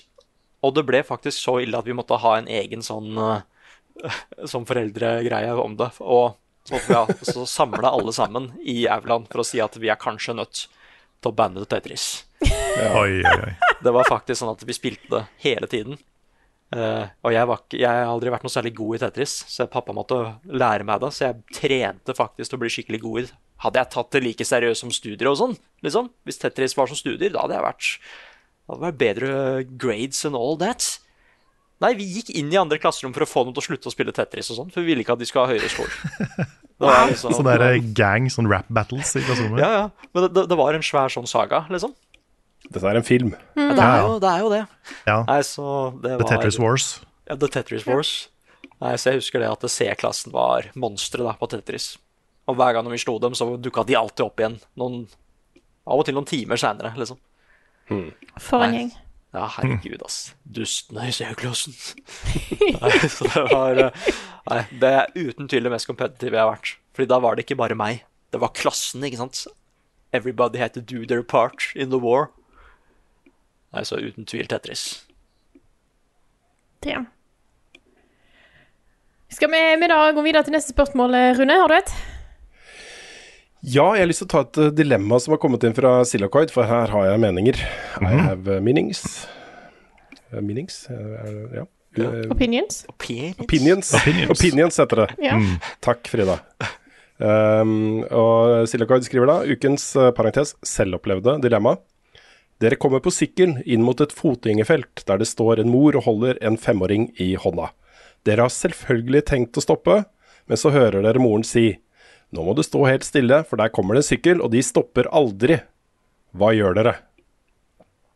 Da må jeg først si at jeg har all min sympati hos uh, moren der. Absolutt all min sympati etter å ha bodd i den byen her i ganske mange år. Jeg har hatt så mange nestenulykker med syklister også. Og det er, det er ikke uten grunn at de har rykte på seg for å uh, bare ikke følge trafikkreglene. For de gjør jo ikke det. De fiser gjennom på rødt lys. eh, rett nede for hos meg her så går det en sykkelsti som kommer inn fra Asker og Bærum, som bare kalles Tour de Finance. Der kommer jo da disse folka som skal på eh, de fine jobbene sine, men eh, bruker da eh, veien til jobb som eh, seriøs trening for birkebeineren eller eh, whatever, ikke sant. Og de kjører bare på oss. Eh, det er så mye sånn derre Hvis du våger deg ut i sykkelfeltet der, så kommer det noen ganske sinna rop av og til, for å si det sånn. fra folk som kommer i full fart ikke sant? og ikke har noen planer eller ønsker eller mulighet til å stoppe. ikke sant? Mhm. Det er eh, Jeg har blitt påkjørt av sykkel som barn. Jeg fikk hjernerystelse. Jeg syns det eh, sykler er skumlere enn biler i denne byen her. Ja, altså. Ja, jeg hadde, en, jeg hadde en litt sånn ergerlig opplevelse med en syklist for ikke så lenge siden. Hvor eh, det hender at jeg tar sånn eh, sparkesykkel til jobb hvis jeg har dårlig tid og sånn. Og jeg sykler veldig forsiktig. Jeg er ikke en av de der eh, svina på sparkesykkel. Um, spesielt fordi det er mange veier der som det er mye, uh, mange som går. Så da, går jeg, da sykler jeg veldig forsiktig og veldig sakte. Uh, og så kommer jeg inn på, en, på et felt hvor det er mange, mange som går. Så er det mange gamle mennesker som går litt sakte, og mye barn og sånn. Så jeg, jeg stopper opp, nesten. Ikke bare sykler veldig forsiktig. Og da kommer det en sånn uh, syklist i full fart mot meg. Og jeg vet ikke helt hvilken vei han sykler, uh, så jeg bare tar det veldig lugn og prøver å liksom dodge mennesker i veien. Og så bare fiser han forbi, og så snur han seg mot meg i fart, og så bare Hei, kjering. Hmm. Sånn, mm, Du, ass. Jeg er ikke en voldelig person, men akkurat da hadde jeg lyst til å fike til noen, ass. Ja, det jeg er utrolig provoserende. ass. For jeg husker jeg var og sykla på fortauet, for det er ikke så mye sykkelfelt i Trondheim. Eh, og da hadde jeg eh, tatt det chill og kommet eh, i en sving, og der, fordi at der er det vanskelig å se. Eh, og da så jeg at ok, her er det noen foran meg med barnevogn, ok, jeg chiller litt, og så sykler jeg på utsida av de. Så da havner jeg over på venstre side av fortauet. Og da kommer det en imot meg, eh, for jeg har akkurat kommet rundt svingen veldig rolig, og kommer rett mot meg og bare peker meg bare sånn Høyre og venstre! Og jeg bare sånn Ja, faen, da. Ja, we, we know. Ja. Vet ikke om du ser Ja. menneskene her. Men også, ok, trafikkreglene da, er jo sånn at hvis du sykler på et fortau, så har du ikke lov til å sykle fortere enn gangavstand. Nei, ganghastighet, ganghastighet. Det, er, det, er, eh, det er trafikkreglene. Det er loven, liksom. Eh, Er du i veibanen, så gjelder akkurat de samme trafikkreglene som når du kjører bil. Så du har vikeplikt fra høyre, du skal stoppe på rødt lys. Alle de vanlige tingene som gjelder for bil, gjelder også for sykler. Og det er jo ingen Det er jo ja, veldig sjeldent også, at uh, noen følger de, så uh, uh, ingen kan vite at du, Silakoid, er en som faktisk følger trafikkreglene og stopper for fotgjengeroverganger og for rødt lys og, og tar hensyn, liksom. For det er utrolig mange syklister som ikke gjør det. Altså. For Det er dritskummelt. ja, I det dilemmaet her så ville jeg ha stoppa. For jeg, jeg vil ikke være en som ikke følger reglene. Nei, nei. Nei, altså jeg, eh, Er du på sykkel i, i trafikken, så må du følge trafikkreglene. og Da skal man stoppe for eh, fotgjengere. Det, er- sånn er det bare. Skal du over fotgjengerfeltet selv, så må du gå av sykkelen din og gå. Men hva er egentlig dilemmaet her? Jeg skjønner ikke. Eh, Om vi hadde skulle stoppa eller ikke. Og så tatt en sånn derre ja, fuck deg. Kanskje vist fingeren mens du sneier femåringen. jeg, jeg tenker også at Det som er òg dilemmaet her, er at Plukke opp femåringen og pælme den av gårde. da, da jeg tenker her òg er et dilemma her, det handler òg mer om at mora prøver å lære ungen at du er nødt til å være forsiktig, for det er ikke alle sykler som stopper. Og hvis du hadde sykla rett forbi, så hadde ungen sett å, den sykkelen sykler rett forbi. Da mamma sa stemmer. Ja, så Jeg har sagt det akkurat det samme til mine barn igjen og igjen og igjen. Og vi har hatt mange uh, ulykker i det området her, og i Oslo generelt, hvor folk har blitt meid ned av sparkesykler og sykler og, og sånne ting. Og det er farligere enn bil, for biler er flinkere til å uh, ta hensyn da, i trafikken. Og er mer innbakt at de følger trafikkreglene. Og så ikke minst også lettere å se. da. Du ser lettere enn en bil kommer, liksom, enn om det er en sykkel. Mm. Og lettere å bedømme farta de kommer i og sånne ting. Mens sykler er liksom Du kan bli like skada, altså. Mm. Av å bli kjørt ned av en sykkel i 30 km i timen som av en bil. Så um, Oi. Så, for det jeg det- tenkte på i denne settingen her, er rett og slett at eh, hvis du hadde Hvis du stopper, så eh, kanskje ungen tror at alle sykler stopper. Ja, for det er Det er det den jeg tenker. Det er et Mye større spørsmål, fordi det handler om hva den ungen skal lære, ikke sant? Ja, sant? Skal jeg være med på å lære han at sykler kan være farlige? Ja. Eh, eller skal jeg eh, gjøre motsatt av det mor for, forvent, forberede ungen på at kommer til å skje? Ja, fordi hva hvis du gjør Du vet at du er i the minority, liksom. At eh, det, alle de andre er gærne, men jeg stopper. Men da kommer jo ungen til å tro at det er helt trygt. Ja. Dette handler Ha. om the future. Ja, ja. Ja. Det, det er jo litt sånn dilemma. Skal du, skal du skremme barn på gata for å lære dem at fremmede er farlige? liksom. Jo, jo, men si reality check, liksom. Ja. Ja, så- Jeg syns dilemmaet er veldig enkelt. Bare stopp. Ja. Følg reglene, liksom. Det, det læ- Ungene lærer allikevel, tenker jeg. Ja, Jeg har det stått noen ganger på vei over fotgjengerfelt, jeg ser det kommer en sykkel Mm. I full fart. Jeg har vært klar med å tuppe, tuppe til oss, hvis, eh, hvis ikke det stopper. Eh, nå snakker vi mye dritt om syklister, men eh, jeg må bare legge til at bilister i Oslo er jeg også ganske stressa for. Ja da. Det er, det er, det er mange råkjørere i byen. Og så vet jeg at da å være, syk da å være syklist i bymiljø er òg noe herk når det kommer til biler, fordi at uh, syklister ikke nødvendigvis alltid blir helt uh, behandla bra av de som kjører. Så det, det er mange retninger her. Ja, Det ble veldig tungt på den ene siden for min del. Jeg er helt enig. Jeg er helt Mm. enig, og jeg er veldig glad for at det er så mange syklister i byen, og de fleste er sikkert helt uh, OK syklister. Så uh, kona mi sykler jo mye til og fra jobb med elsykkelen sin. Uh, og det, det er jo en utrolig flott måte å komme seg fram på, da. Så eh, jeg vil bare, vil bare poengtere at, eh, at eh, det er ikke alle som følger reglene. Og de er så dominerende i bildet òg, liksom. Jeg skjønner at folk, eh, inkludert meg selv, blir uh, stressa over de aggressive syklistene. Fordi eh, de tar mye oppmerksomhet. Altså. Det blir eh, Jeg er liksom alltid på vakt. Det er ikke sant at jeg går og er det en sykler, liksom, men det, det føles litt sånn, da. Jeg blir litt ekstra på vakt. Jeg, jeg vet at hvis, hvis det kommer en syklist inn mot et kryss, så vet jeg at det er ganske stor sannsynlighet for at den syklisten ikke kommer til å stoppe hvis det er rødt lys. Og det må jeg ta hensyn til, da, som bilist eller som fotgjenger. Yes. Skal vi ta et uh, spørsmål til Karl? Uh, jeg tror egentlig vi har tatt de jeg hadde. Ja, nei, det har vi faktisk. Da, Vi kan eh, jo ta den anbefalingen fra Kjaus eh, som en siste, kanskje. da kan vi gjøre eh, Det er Kjaus som skriver Hei, ref diskusjonen om Lovecraft sine verk slash rasistiske livssyn i siste episode. Har dere sett Lovecraft Country på HBO? Syns den serien er veldig interessant, siden han bruker Lovecraft sitt eget univers til å belyse de aller fæleste delene av USAs rasistiske forhistorie, og trekke linjer fram til vår tid. Det er virkelig å snu forfatterens egne historier mot seg sjøl, sjøl om ikke forfatteren lever i dag. Anbefales, og det er en knallgod serie. Eh, eh, det nikkes fra alle retninger her eh, i discorden. Ja, jeg har jo anbefalt den serien i podkasten her da den gikk. Eh, og med god grunn. Det er en utrolig god serie, altså. Mm. Og av de, særlig av de grunnene som Kjaus nevner her. Det er veldig smart på det. Mm, åh, det er så Absolutt. dumt at den ble kansellert, for jeg Ja, digga det. vel, veldig trist at det bare ble én sesong. Mm. Men det var en veldig bra første sesong. Det var det. Den, den funker veldig fint aleine, sånn egentlig. Mm. Mm. Spesielt de første episodene husker jeg var dritbra. Mm.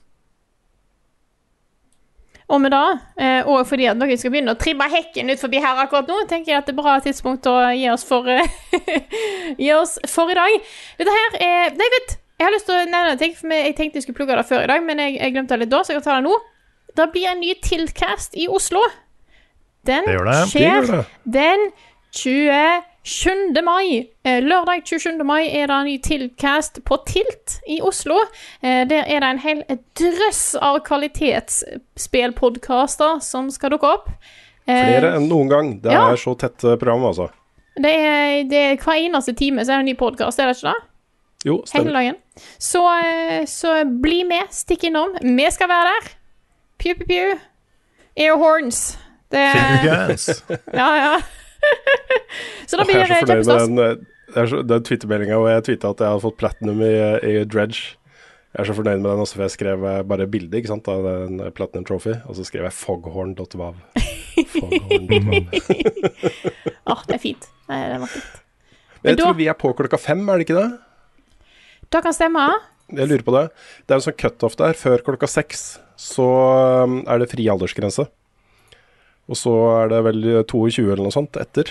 Um, så, um, så vi valgte da å ha det før den cutoffen, i tilfelle noen vil ha med seg barna sine, eller uh, hvis vi har noen under 22 som har lyst til å komme. Mm. Det er jo ikke den, den mest eh, raunchy podcasten som kommer, så jeg tror det skal være trygt å ha med seg litt yngre folk og å høre på og se på. Det er vel ikke uten grunn at det er Lolbua Rage uh, Quit uh, mot slutten av det programmet der, tror Det er ikke det. Det er nok, det er nok en tanke bak det. Absolutt. Det står forresten at uh, på eventet, det er et Facebook-event, søk opp Tilkast 3.0. Uh, der står det at etter klokka 18 så må alle under 18 forlate. Så, det er, Under 18, ja. Mm. Greit. så har, Mm. vi, har vi den aldersgrensa på- presisert. Mm. Jeg eh, skal jo da dessverre ikke være med eh, fysisk, eh, men prøver å finne en eller annen måte å eh, bidra likevel, da. Mm. Vi får en sånn life size cutout-versjon av deg. Ja, Eh, en med sånn soundboard, der du kan på en måte eh, spille inn lyd eller Ja, men jeg hadde tenkt på det, skjønner du, for Ragequit hadde jo en hel episode hvor jeg var med som gjest, men Ja. bare via soundboard. Og det, de lydene har de jo sikkert ennå, kanskje jeg skal høre med dem om de har eh, lyst til å eh, bidra. Det høres bra ut. Men i hvert fall leie Mm. inn noen som kan være deg. Ja. Ikke sant? Ja. Ja, en stand-in, en stunt, stunt double. Ja. Mm. Mm. Men det er gratis inngang, så, så det koster ikke noe penger, og du trenger ikke å kjøpe billetter eller noe sånt, det er bare å møte opp. Og det, ja, det kan jo bli litt fullt, da, så um, sikkert greit å være der fra sånn OK tidlig. Det er nok Det står smart. at eh, dørene åpner klokka ett, så da er det bare å dukke opp på Tilt i Oslo 27. mai. Det blir kos. Yes. Jeg skal da til Festspillene i Bergen i en eh, paneldebatt om spillkritikk. Oh. Det blir jo veldig spennende det også, da. Absolutt. Da runder vi av podkasten. Dette her har vært podkasten Level Backup, utgitt av Moderne Media. Låten i introen og outroen er skrevet av Ole Sønnek Larsen og arrangert og framført av Kyoshu Orkestra. Vignettene er lagd av fantastiske Martin Herfjord. Innholdet vårt da finner du på youtube.com slash levelupnord og twitch.tv slash levelupnord. Der ligger de ferskeste anmeldelsene og alt mulig rart, så bare følg med der. Eh, Framover så kommer det mer flott innhold fra oss. Eh, bli òg med i discorden vår på discord.gg slash levelupnorge og ta del i vårt community. Hvis du vil ha litt fancy merch, så er det bare til å gå på levelupnorge.myspreadshop.no. Og har du lyst til å støtte det vi gjør, eh, og da og støtte oss sånn at vi kan fortsette fremover òg, så er det bare til å gå på patreon.com slash levelupnorge og støtte oss med det du har eh, mulighet og lyst til der. Vi setter ekstremt stor pris på dere alle sammen som gjør dette her. Dere er flotte folk som vi ikke kunne klart oss uten, så tusen takk. Hell yeah. Tusen takk. Og med det så sier jeg tusen takk for den uka her. Og så snakkes vi igjen til en ny podkast neste uke.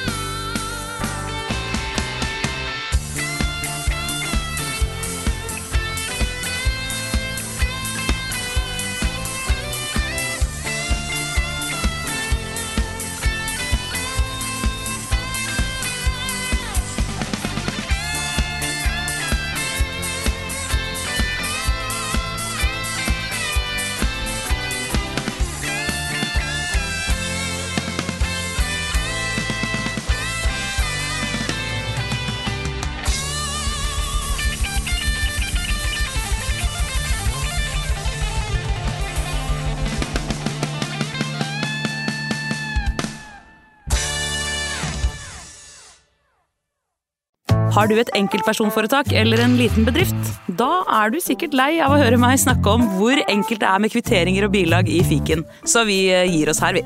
Fordi vi liker enkelt. Fiken superenkelt regnskap.